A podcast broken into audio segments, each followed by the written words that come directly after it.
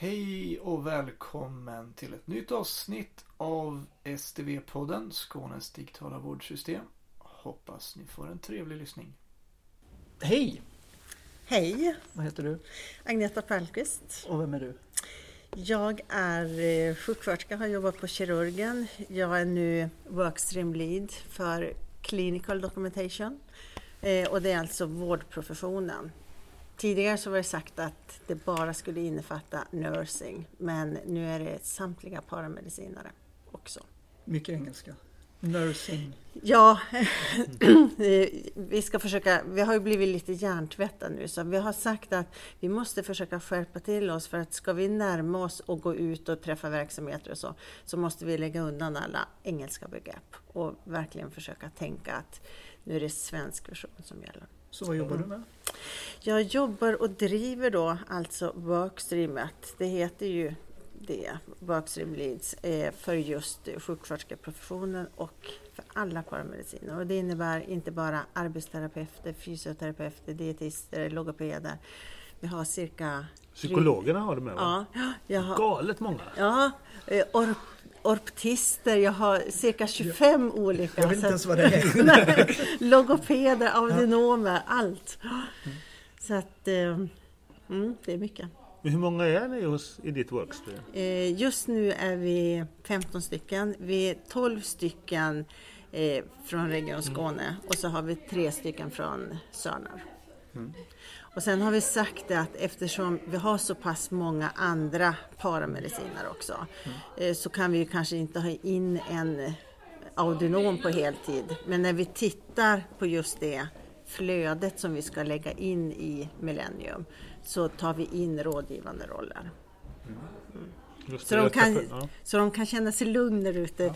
Eh, så fort vi inser att det här har vi ingen insikt alls om. Vi är väldigt ödmjuka och vet att vi måste kalla in klinikerna där ute. Jag sprang faktiskt på några i var det denna veckan eller förra nästa jag satt och drack kaffe i fikarummet så kom de. Jag vill provköra på dig. Är du läkare? Ja, jag kan nog kalla mig det kanske. Och så provkörde de på mig massa olika formulär och grejer. Så de, de var mitt i designen nu. Ja, Eh, ja. Så, så det, var, det var också arbetsterapeuter tror jag var som kom sättande. Jaha. Ja, så så det, är, det är lite häftigt för de dyker verkligen upp. Ditt gäng dyker upp och skaffar information överallt. Ja, för att det är så när vi tittar på alla de olika workstreamen som finns. Det är ju tillsammans med läkare och läkemedel och röntgen och patientadministration och så. Så involveras vi i samtliga workstream. Vi arbetar ju väldigt fullt ut. Så att det, det är ju det som är den stora utmaningen, att vi också försöker att ha en transparens över till andra workstream. Men då har vi ju förutsättningar eftersom vi sitter här på Medicon Village. Vi är ju samlade i ett och samma hus. Och vi börjar känna varandra rätt Ja, väl nu. det, sp- det springs Ja. i korridorerna här. Ja, Man fångar hur? varandra. Och, Ja. Som vi fångar dig nu. Kom och prata med oss. Vi Ja. begriper inte. Vad händer? Va- Varför är du här? Ja, jag blev nog uttagen till just eh, att leda vårdprofessionen utifrån den bakgrund jag har. Eh, jag har ju länge lett eh, sjuksköterskenätverk. Jag, eh, förutom att jag har suttit med i regional styrgrupp för journaldokumentation och har försökt att styra upp dokumentationen med fokus utifrån sjuksköterskans perspektiv så har jag också ett ytterligare intresse och det, jag sitter i sektionen för omvårdnadsinformatik och det är en sektion under Svensk sjuksköterskeförening. Vi är ju grupperade så att det finns ju sjuksköterskeföreningar för neurologi och eh, akutsjukvård och så och då har vi också för informatik. Och informatik är ju ett av sjuksköterskans sex eh, kärnkompetenser som man måste kunna ha kunskap Jaha, det är utpekat som en sån. Ja, det är det för läkarna också. Är det det? Jajamän! fasen, för det är lite häftigt. Ja, för att, eh, Wow! ja, för att när man pratar om kärnkompetenser så är det en del som säger, ja vilka är det nu då? Men det är ju just det här med evidensbaserad vård och det är teambaserad vård, eh, personcentrerad och kvalitetsutveckling och så vidare. Sen har vi också då informatik. Så att eh, vi gick faktiskt ut tillsammans med SFMV som är Svensk förening för medicinsk informatik. Det är parallellen för läkarna. Och gick ut till alla lärosäten och frågade ja, vad vet ni om informatik egentligen? Ja, vi har det i vårt kursprogram tyckte man på Lunds lärosäte för läkare. Men då visade det sig att de hade webbutbildningar till exempel. Men det är ju inte informatik. Så att eh, informatik det är hur vi strukturerar information. Hur ska vi dokumentera i journalen så att det inte bara blir en eh, grötblandning av allting. Nej, Det, blir så. Och, och, ja, det var kul att det är, för jag, jag tyckte innan jag började STV så tyckte jag informatik det var något jag svor över. Jag tyckte det bara hämmade mig i min kreativa hjärna. Men när jag har varit här så inser jag att det är avgörande för att vi ska kunna använda information. Ja men visst. Ja. Annars kan vi inte använda den. Den, den dör ju annars omedelbart den är inskriven. Ja, och bara som hur vi uttrycker oss i journalen. Ibland, jag brukar dra exemplet med att när vi började titta hur vi hade skrivit i journalen, sjuksköterskeanteckningar, då kunde man man skriva att man hade satt en nål. Ja, och vad är det för slags nål? Och, och vi associerar ju till en nål på olika sätt och då var det en PVK. Och skriver man då PVK så vet ju alla vad det är för någonting. Och när vi uttrycker oss, det är ju inte bara i text som vi faktiskt måste börja skärpa till oss, utan det är ju även ut mot patienterna. Om vi säger att ja, nu ska vi sätta en nål och- så på lilla Agda, 87 år, då associerar hon till en stoppnål. Och det är inte underligt att hon sitter med armen och inte vågar röra den. Så vi måste tänka på hur vi uttrycker oss i Ja, text. den är ju klassisk. Så många patienter tror inte verkligen att de har ett metallrör i armen. Ja, ja. Och går runt och liksom, jag har ont i axeln för jag har gått och spänt mig nu. Ja. Ja. Varför det? Ja men jag ni har ju nål här. Ja. Det ett plaströr, jaha, varför Ja. sa ni inte det? Ja, visst. Så att allting blir ju enklare om man försöker standardisera på det sätt som man ska dokumentera. För då kan man ju återanvända den dokumenterade datan i andra vyer också. Vi är också säkrare i vardagen när vi pratar med varann. Ja. För då menar vi samma sak. Ja, men visst. Ja, Vi, vi, om vi använder de här varianterna på ord, om vi lär oss använda så som vi pratar som vi dokumenterar, kanske inte fullt så staccato, men Ja, ja. det måste bli mycket säkrare när vi byter information varandra muntligt. För Ja, fortfarande byter vi extremt mycket information muntligt. Det är ett evigt traderande. mm, ja, Man berättar, ja så här var det och, och kanske det blir mindre med STV. Men, men vi kommer ju fortsätta för vi är människor så vi behöver ju prata och ja, relationer. ja visst. Ja. Så att bara det här med till exempel risk för trycksår, om jag dokumenterar det enligt en kod, en internationell kod, risk för trycksår. Eh, och det är ju det eh, vi arbetar inom SOI, sektionen för omvårdnadsinformatik. Och då vill vi föra in i STV, ICMP, International Classification for Nursing Practice. Så att om jag skriver här i journalen i Region Skåne risk för trycksår för en patient och patienten kanske åker på semester upp till Boliden eller till Barcelona, då är det den koden. Då förstås det överallt och vilka åtgärder man har satt in. Så att man ökar ju patientsäkerheten. Man kan också helt plötsligt börja forska och börja jämföra. Ja, visst! Då kan man jämföra, är Barcelonaborna, har de mer trycksår än vad vi har? Vad Ja, gör visst. man där? Vad, hur Ja. gör man i England? Ja, Vi kan börja lära oss helt plötsligt. Ja. För vi pratar samma språk och kan jämföra. ja, Och även mellan avdelningar. För alla är ju så unika patienter. ja. Men helt plötsligt så kan vi i alla fall vara överens om någonting. Ja men visst. Ja och, och det ser man nu också att eh, även klinikerna där ute att man börjar förstå och se vinsten med att uttrycka sig på samma sätt, att standardisera. Så att vi ska standardisera vårdåtgärder och hur vi uttrycker oss. Vi ska inte standardisera patienten utan vårdåtgärder och processer. Är, är man rädd för det? Ja, för jag tror att som sjuksköterska speciellt Eh, så har man blivit hjärntvättad decennier tillbaka att det är liksom fult att standardisera och då tänker man liksom att det är fult att standardisera patienten. Man ska ha patienten i centrum och så. Men vi får ju så mycket mer tid över om man får in en patient för kanske eh, bröstkirurgoperation och så har man ett standardiserat förlopp. Och man vet precis vilka vårdåtgärder man ska vidta. Och det spelar ingen roll om man är eh, en erfaren sjuksköterska eller har precis eh, en nyanställning. Då blir det samma vård på samma villkor. Och vi standardiserar inte patienten utan processen. Och sen får man ju mer tid för patienten att inhämta just det personliga för den patienten. Ja, och få, och få göra det som gjorde att vi egentligen valde sjukvård. De flesta som valde att jobba i sjukvården, jag tror nästan alla gör det för att de har, vill hjälpa andra, vill träffa människor, vill Ja, vara i ett socialt sammanhang. Ja, Nu vill man inte fundera utan nu kan man fokusera på att möta en annan. Ja. Och inte att ficka allt med. För det Ja, sköter standarden åt. Ja. Och man behöver, precis, man behöver liksom inte försöka krysta fram egna åtgärder. Att, ja, hur var det man skulle göra med den här patientkategorin? Utan det finns då redan i systemet. Och det är ju det vi försöker integrera nu i Millennium. Eh, både kunskaps och beslutsstöd. För vad man också frigör då tror jag, om du har en standard så frigör du ju också att förstå, här stämmer det inte. Oops! Här är något som avviker. Här är någon som är mer sjuk, det stämmer inte. Jag behöver ha mer kunskap, jag kanske behöver hämta en kollega. Ja, ja. kanske behöver bli ett team runt det här.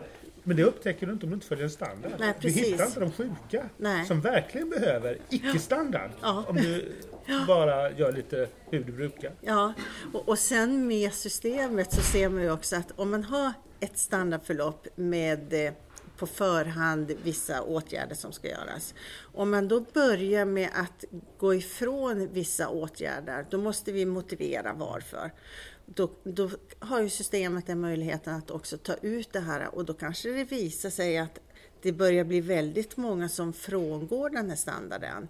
Och då är det det som är evidensen och då kan man ta fram en ny handlingsstrategi och så kan man uppdatera den här processen. Och vi kan helt plötsligt upptäcka om de här standarderna vi gör, om de verkligen går att jobba efter. Ja. För det vet vi inte riktigt idag. Nej.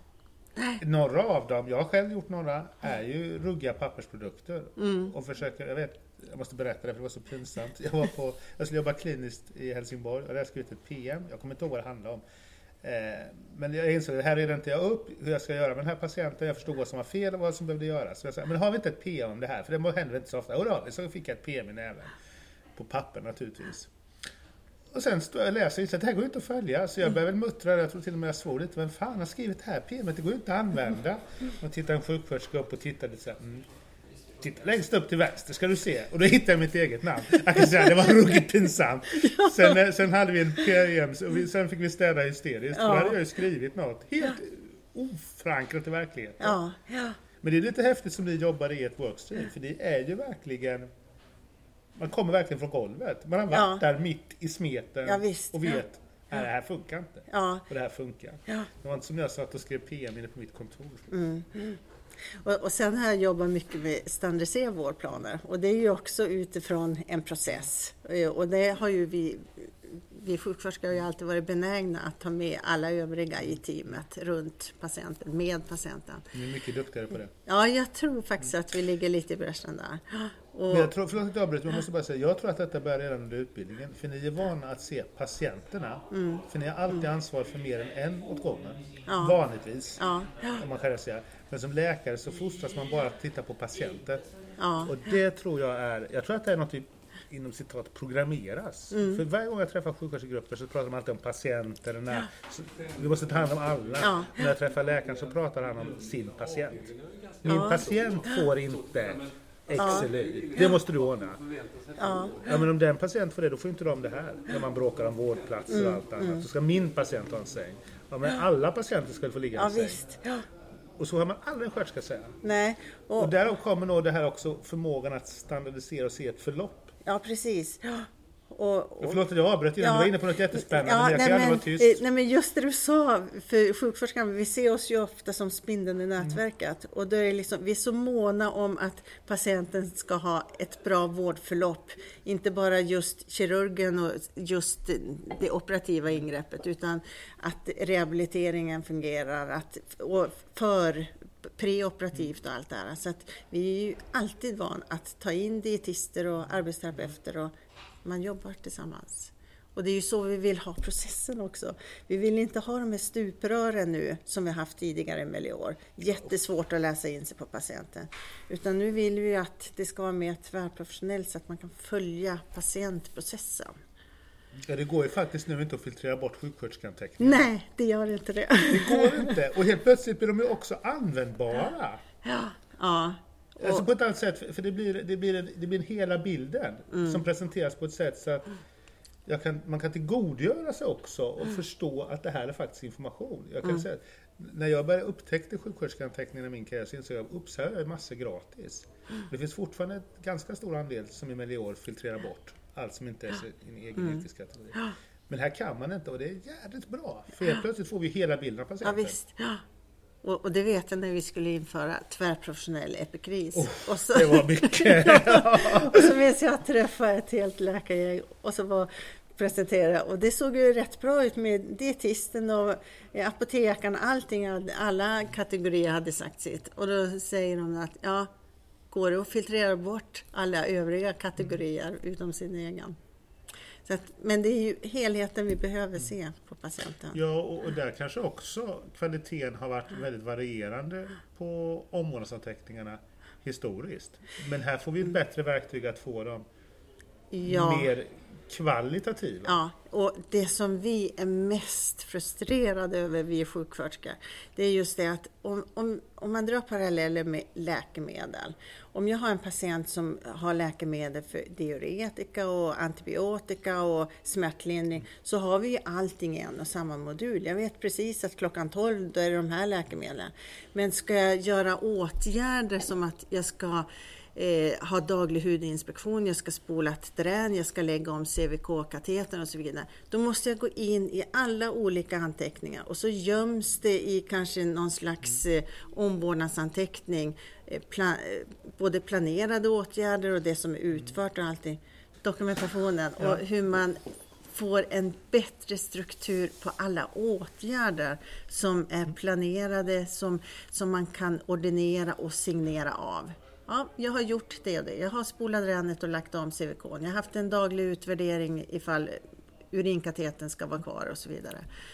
Och jag behöver helt plötsligt inte springa och fråga. Hur, hur är det med dränet? Är Ja. det något kvar i dränet? Eh, Rinner det? Ska vi avveckla det? Mm. Vet du hur många gånger som jag har sprungit runt på kirurgavdelningen och jagat sjuksköterskor efter den informationen? För jag hittar den inte Mm. Nej. i... Och så säger de, jag har skrivit i Melior, men det går ju fortare att leta rätt än att hitta i Melior. Ja, Så letar jag rätt på den. Och du kan ju plötsligt få det presenterat. ja.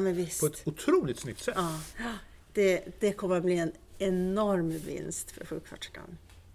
För vi har ju pratat om, liksom vi har haft en läkemedelsmodul, att vi har väl haft en åtgärdsmodul. Och det kommer ju att kunna presenteras här.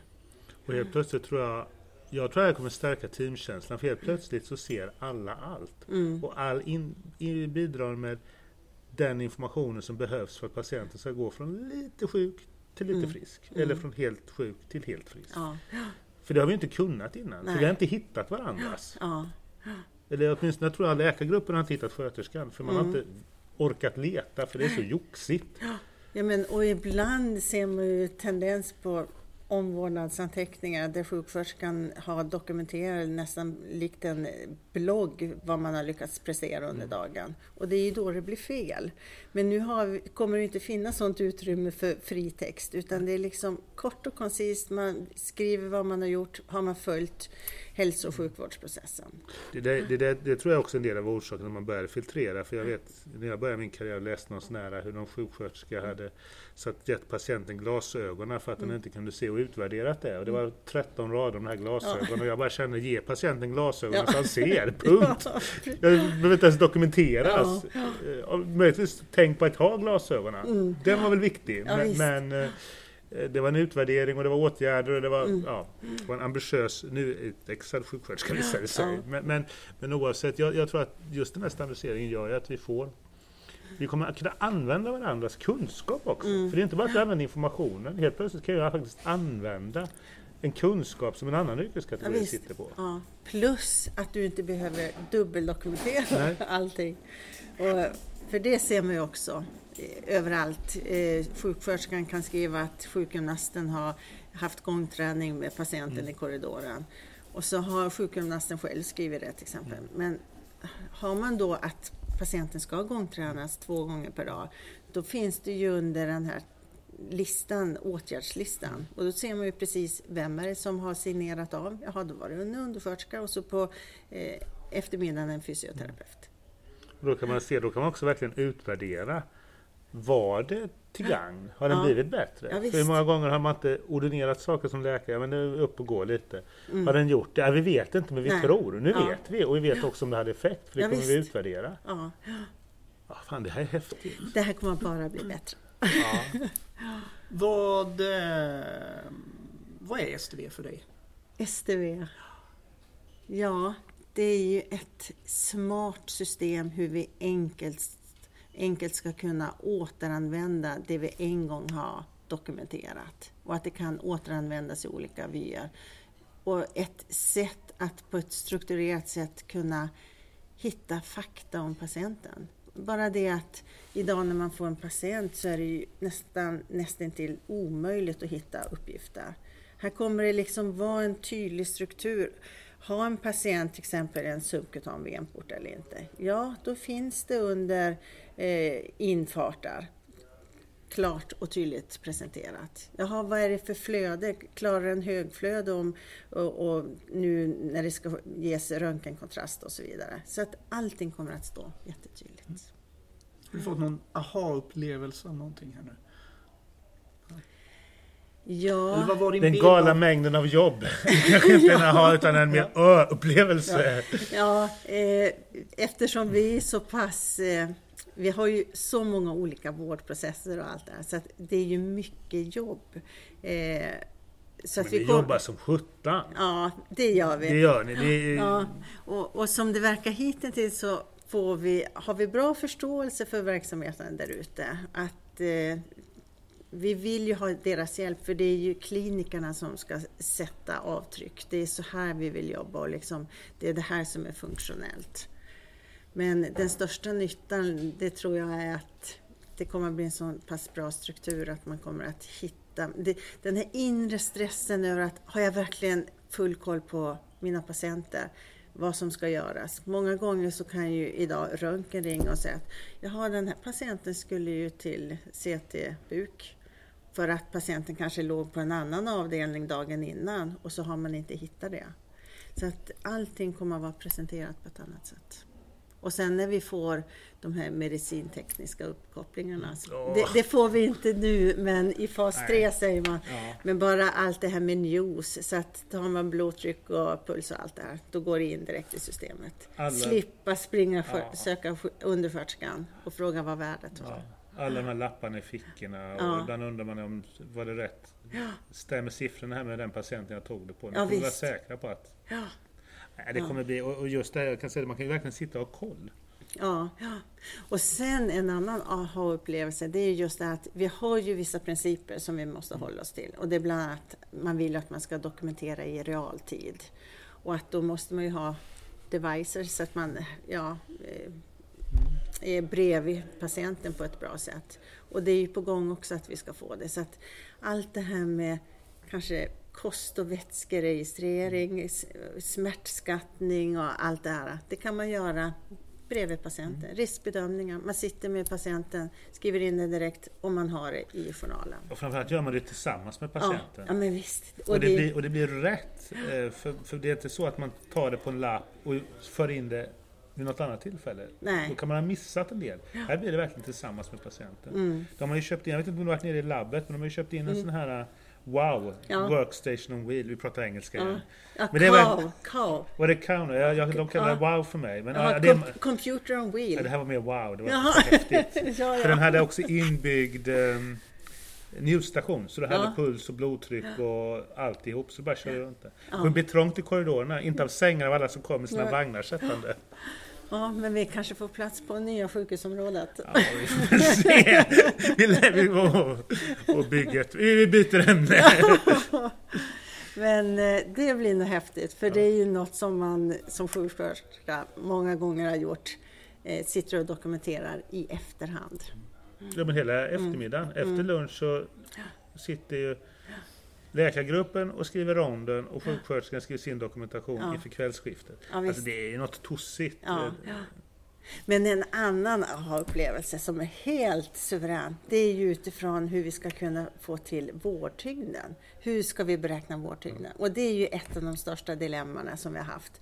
Och då har man liksom försökt på separata whiteboards och manuellt försöka uppdatera och då är det ju också lite subjektivt. Och, ja, den här har så här mycket hjälp med ADL och in och utfarter och sånt där. Men med, Hjälp mig här nu vad pratar vi om nu? Vårdtyngd. Eh, och det, det är ju ett Belastning. sätt- Ja. Hur mycket resurser kräver patienten? Ja, för att och hur, hur, hur tung är en avdelning? För många gånger kanske de ringer då och säger att ja, nu har vi en patient på akuten som vi ser att ni här på kirurgen 7 har tre lediga platser. Jaha, vi, har, vi kanske har tre lediga platser men vi har precis fått upp två IVA-patienter och allt det här. Eh, och så kan man koppla då vårdtyngden till resurs vad har vi för resurser? Vi kanske har väldigt mycket undersköterskor men just nu så har vi väldigt mycket patienter med i, o, olika diverse drän och sånt där. Då behöver vi ha sjuksköterskekompetens. Och ju koppla också det... koppla det till vilken patient. Ja, men då är det bättre att ni får den här, för vi har alltid gott om patienter. Då ska ni visst. ta hand om den här patienten. För, för då får ni en rimlig... Jag, hade, jag måste avbryta dig, för det här är faktiskt riktigt häftigt. Ja. Jag hade nämligen en vision när jag gjorde ST i Stockholm. Så pratade jag rätt mycket med, det var en enhetschef där, eller vårdavdelningschef eller vad det hette där uppe. Ja, det är ju olika. Men hon var enhetschef för en vårdavdelning. Vi, vi hade en vision. Vi faktiskt började, men vi kom aldrig riktigt i hamn. Det var lite för progressivt. Att vi skulle sluta prata om hur många sängar vi sa. Vi skulle, vi skulle istället ta en vårdtyngdspoäng. Att den här avdelningen vårdar 100 poäng. Om det är fem patienter eller 25, det spelar ingen roll. Men 100 poäng, det är vad vi har resurs till. Och det här kan man ju faktiskt börja närma sig sånt. För tänk om man kunde prata i de termerna Ja, istället. ja. Att det här klarar vi. ja. Och precis det du säger att då tycker ni att ni på er avdelning ska ha för 100 poäng eh, vård. Ja. Då måste man ju ha en standard på vad vårdtyngd är. Ja, för det var där det inte gick. ja, Det var ingen som nej. vågade släppa loss oss på det. Men utifrån en standard Mm. som man kan få från vårdtyngdsberäkning och Clarify, det, det här programmet, så blir det ju en rättvis, objektiv Mm. eh, tolkning av vad det är för slags vårdtyngd på alla olika avdelningar. Så det får man nu per automatik? Ja, nu ska vi köpa in då också med det här systemet, Clarify. Och, Just det. Ja, så då kan man ju, det är ju det vi vill kunna koppla vårdtyngd till vårdplatsläge, till bemanning, schemaläggning, resurser och kompetenser. Och får du ihop allt det, då får du en trygg, säker vård och helt plötsligt blir arbetsmiljön fantastiskt mycket bättre. Ja, men visst. För då vet du att så här mycket Ja. ska vi ha. Ja, och så hade man också möjlighet att kunna tagga, typ om man tittar på schemaläggningen och så vet man att jaha, den här helgen har vi si och så många IVA-patienter. Då behöver vi kanske kompetens med erfarna sjuksköterskor. Då kan man liksom tagga eh, schemaläggning också så att man inte bara får fyra stycken nyutexaminerade sjuksköterskor hela den helgen. Skitsmart. Ja, visst är det! Och då, får- då, det- då får vi inte de här, för när man kommer helt ny ut i sjukvården och hamnar på ett sånt pass, det kan ju få en att liksom tvivla på att man överhuvudtaget ska vara i sjukvården. Ja, visst. Men hade ja. man fått jobba ihop med två seniorer så hade man Ja. känt, aha, Ja. jag redde upp det. Ja. Ja, det här är häftigt. Ja, visst är det. Så det... Det här måste vi prata mer om, vi, vi, vi, vi får komma tillbaka. Det får vi göra. Jag, jag märker redan att vi får klippa det här i två avsnitt. Finns det, några, finns det några plåster vi behöver riva av här? Eh, finns det någonting sten att vända på? Finns det några missuppfattningar i Mm. projektet STV eller som du vet ute i vården om STV eller digitaliseringen? Jag, jag kan tänka mig att utifrån att vi var på den här nulägesbeskrivningen när vi var och besökte 350 olika det var galet många ställen vi var på. Ja, då såg man att det var en väldigt stor skillnad i hur folk där ute på olika avdelningar visste någonting om STV. Vissa avdelningar var väldigt eh, informerade medan andra, jaha, ska vi få ett nytt system? Och ingen visste något. Så att det är ju en fördel att kommunikationen fungerar längst ut till alla vitklädda också. Ja. För det är ju, vi är ju ett, vi, vi vill ju att det här ska vara ett system anpassat för alla där ute. Och Det är därför vi, man ska lyssna på den här podden. Ja, precis. För då får man reda på vad, vad det egentligen är. Eller inte är. Ja, Gott, Mm. då tackar vi. Tack så jättemycket. Var tackar. otroligt häftigt. Du måste komma tillbaka, vi Ja, har mer det- att prata om. det gör jag gärna. Ja, jag, jag hör av mig. Ja, ha det gott! Ja, tack. Tack för att ni lyssnade på ett nytt avsnitt av STV-podden. Har ni frågor så mejla in dem till Fredrik N Jonsson skane.se eller klas.andersson skane.se. Tack för att ni lyssnade.